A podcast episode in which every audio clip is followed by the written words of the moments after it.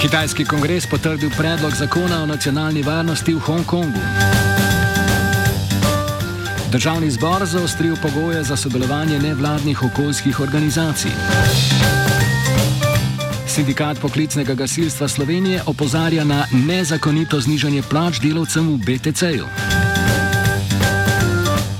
V kulturnih novicah dialog na ulici.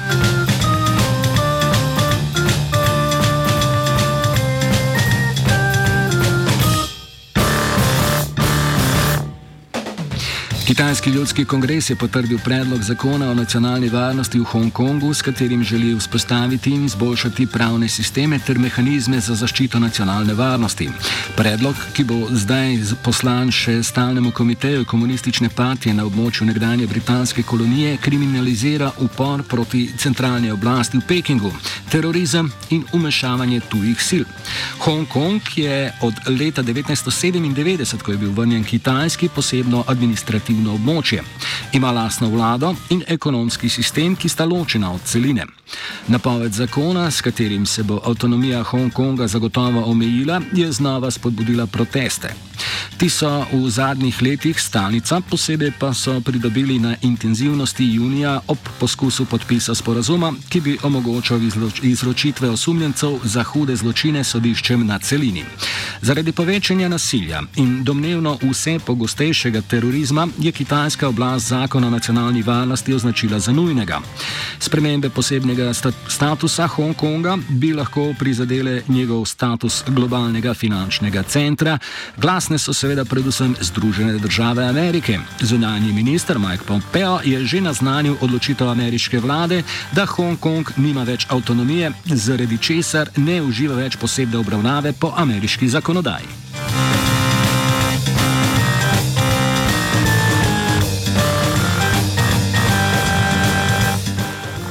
Šef in predsednik Združenih držav Amerike Donald Trump, pa skrbi za demokratične standarde doma, tako da je zagrozil z zaprtjem platform družbenih omrežij, ki po njegovem zatirajo konzervativne glasove. Trumpov napad je povzročil Twitter, ko je prvič opozoril na neresničnost predsednikovega zapisa. Ob njegova tvita, v katerih je izrazil svoje neodobravanje volitev po pošti, ki naj bi vodile v prevaro in eh, potvarjanje rezultatov, je prilepil v povezavo na spletno stran z resnič, resničnimi dejstvi glede volitev po pošti. Trump namerava v odgovor z odredbo naročiti pregled zakona, ki že dolgo ščiti podjetja socialnih, eh, socialnih omrežij pred odgovornostjo za objave njihovih uporabnikov.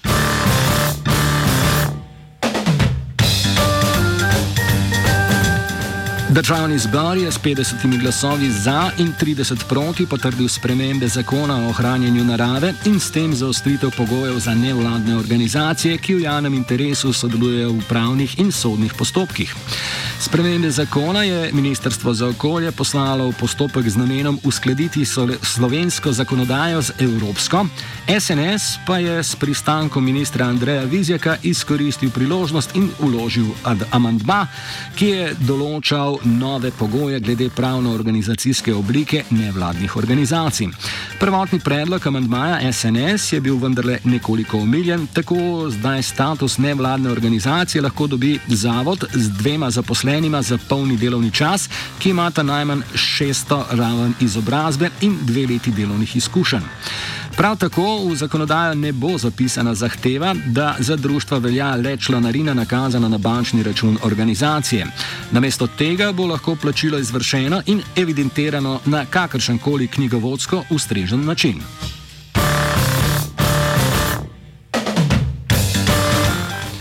Zaprtje trgovin ob nedeljah je dobilo podporo v prvi obravnavi v državnem zboru z rezultatom 65 za in 12 proti. Izkazalo se je, da so poslanci večinoma naklonjeni predlogu levice, podporo so mu odrekli samo v SMC in SNS. V stranki Desus pa niso bili enotni. Tudi vlada ima glede nedeljskega zaprtja trgovin pomisleke. Meni namreč, da zaradi epidemije ni pravi čas za takšne ukrepe, pri tem pa opozarja na nujnost socialnega dialoga, ki se vedno izkaže za izredno pomembnega, ko v igri niso koristi gospodarstvenikov. Več o predlogu pa v offsajdu ob 17.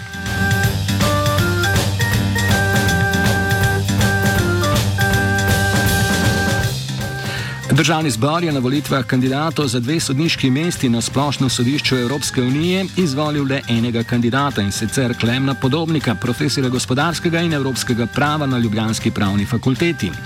Za drugo sodniško mesto so se potegovala profesorja Jure Vidmar in Nina Savin Bosje, vendar nihče od njiju ni dobil zahtevanih 46 poslanskih glasov podpore. Razpis za drugo mesto bo zato treba še enkrat ponoviti.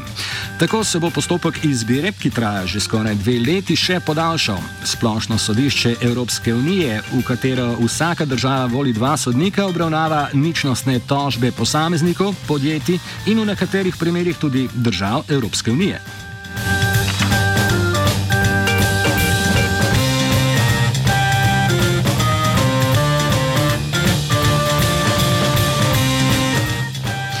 Sindikat poklicnega gasilstva Slovenije opozarja na nezakonite poteze poslovodstva BTC-DD, sindikata BTC in sveta delavcev. V nadpovprečno poslovno uspešnem BTC-DD, ki zaposluje preko 450 delavcev, naj bi nezakonito posegli v že tako nizke plače zaposlenih. Sindikat poklicnega gasilstva je spregovoril o pritiskih, ki so jih deležni zaposleni od, od katerih se izsiljuje soglasja za znižanje plač. Notranji sindikat in svet delavcev pri tej zadevi prikimavata delodajalcu. Enostransko znižanje plač so namreč podprli. Natančneje problem predstavi generalni sekretar sindikata poklicnega gasilstva David Švarc. Eh, zdaj v našem sindikatu smo uh, začetka aprila prejeli informacije z četrte uh, skupne seje sveta delavcev in sindikata BTC-ov, Eh, ter uh, vodstva družbe, kjer je vodstvo družbe predstavilo uh, ukrepe za obvladovanje tvegan v zvezi z epidemijo.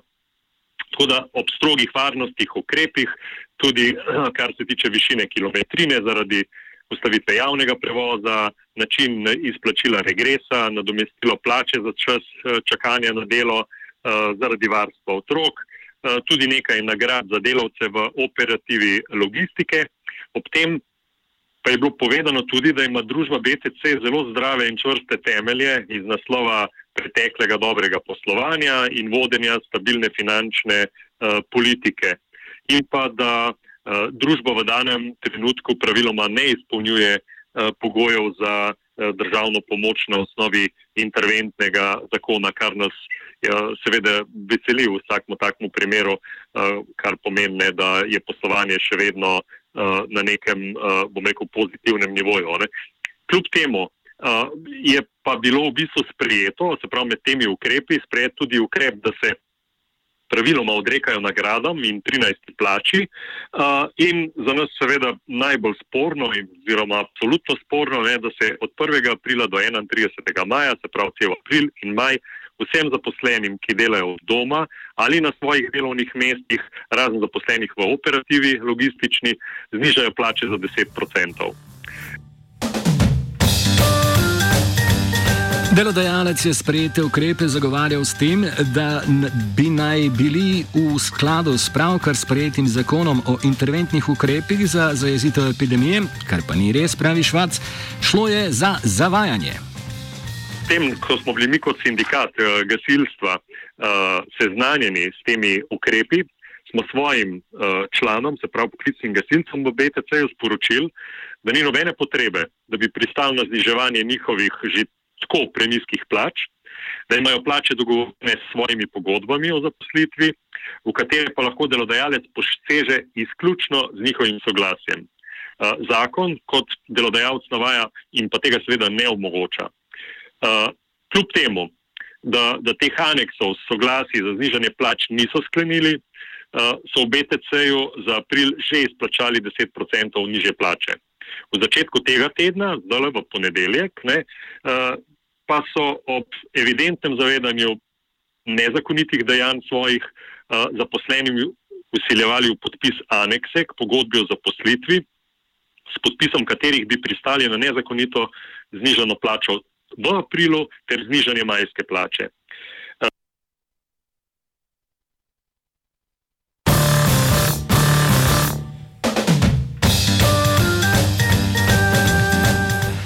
Sindikat poklicnih gasilcev se je na vodstvo podjetja že obrnil in pozval k plačilu neizplačenih deležev plač, kar pričakujejo, da se bo zgodilo do konca meseca.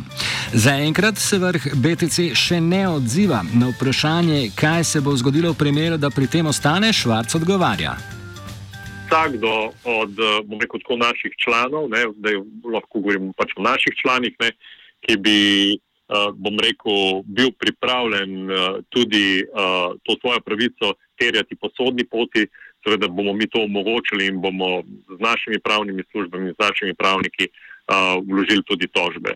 Tle dejansko v bistvu le pozivamo zaposlene delavce in delavke tako v BTC-ju, kot tudi v drugih podjetjih po Sloveniji, kjer se mogoče take stvari ravno tako dogajajo. Ne, pa pod nekimi pritiski in, bom rekel, tudi nekim neznanjem strani zaposlenih, v bistvu podležejo tem pritiskom in podpisujejo, bom rekel, take ukrepe, pač ljudi pozivamo, ne, da se lahko obrnejo na nas in da se pač temu na nek način uprejo.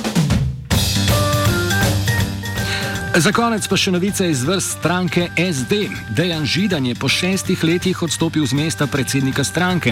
Odločitev bo pojasnil čez slabi dve uri, njegovo funkcijo pa naj bi prevzela Tanja Fajon. OF je pripravila Aida.